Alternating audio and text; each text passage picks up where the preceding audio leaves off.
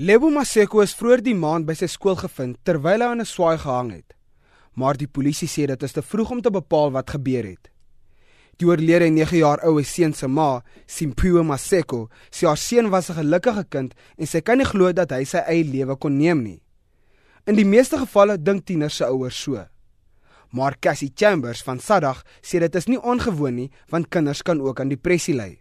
So it's incredibly sad to hear of a nine year old who feels like they, they have so many problems that the only way to end those problems is to end their life.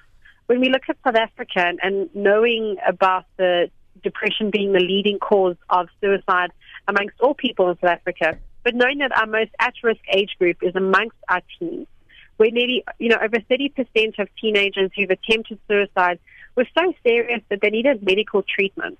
That's a lot of teenagers who feel like suicide was the only way to end their problems. So, looking at South Africa, where 9.5% of all teenage deaths are due to suicide, it's very concerning. These numbers are too high for, for, for our teens. Chambers sê daar is verskeie redes wat 'n rol kan speel vir tieners om selfdood te pleeg. In die meeste gevalle kom ouers dit nie agter nie omdat dit moontlik by die skool of op die speelveld gebeur. Familieprobleme is ook hier ter sprake. Sy verduidelik. Well, what we do know that would cause a teenager to commit suicide, it's normally a combination of issues. It's never just one thing. So we know that there could be family problems is always the biggest contributor.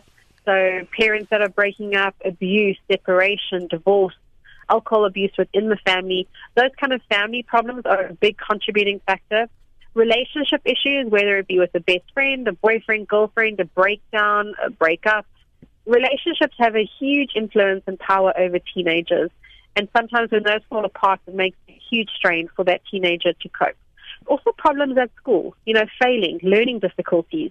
We know bullying is becoming more and more of an issue, um, especially as we see that cyberbullying is becoming an issue with more people having access to the internet and smartphones and social media.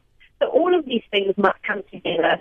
And so here with regards to South African context, where we're so exposed to trauma, violence, and abuse.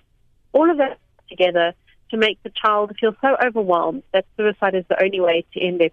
Tieners is geneig om te sê, ek wens ek lewe nie meer nie. Dit is van die tekens waarna 'n mens moet oplet om hulle te ondersteun. Sosiale media is ook 'n goeie plek om dop te hou. Maar watter ander tekens is daar? Even writing a suicide note, posting it on social media, writing a goodbye note, giving you a class, all of these things can contribute to saying that something is wrong, someone is not happy. Other signs that you could look out for is obviously undiagnosed or untreated depression, feelings of feeling guilty or hopeless, crying a lot, worrying a lot, drastic change in their eating or sleeping habits. Some another warning sign for suicide could be giving away prized possessions, their favorite soccer boots, uh, their, their CD collection, or their makeup. You know, those are the key things that you must stop and think, what should I be doing? What is going on?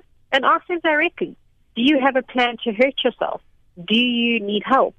I think we're always so scared to talk about something like suicide or depression. Maar hoe kan ons help?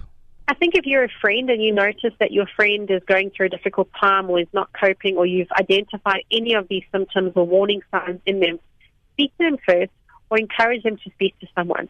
It's more important to save the friend than it is to save the friendship. So don't keep it a secret. Speak to a teacher that you trust, your life orientation teacher, maybe even the principal or school counselor. If you're not sure who to speak to at school, you can even speak to a parent, uh, an aunt or uncle, an older sibling, someone in your community like the nurse or someone at church. If you're really not sure where to start, what to begin, pick up the phone and speak to a counselor at SADAG. You can phone us any day of the week, 24 hours a day, and we can help you. Just what are the symptoms? Help you step by step. So, whatever the thing that you're dealing with, you're not alone. You've always got support, whether you're identifying the symptoms or whether you yourself have depression and need to speak to someone. There is always help available. Dit was 'n woordvoerder by die Suid-Afrikaanse Angs en Depressie Groep, Cassie Chambers. Sadag is 24 uur beskikbaar om hulp.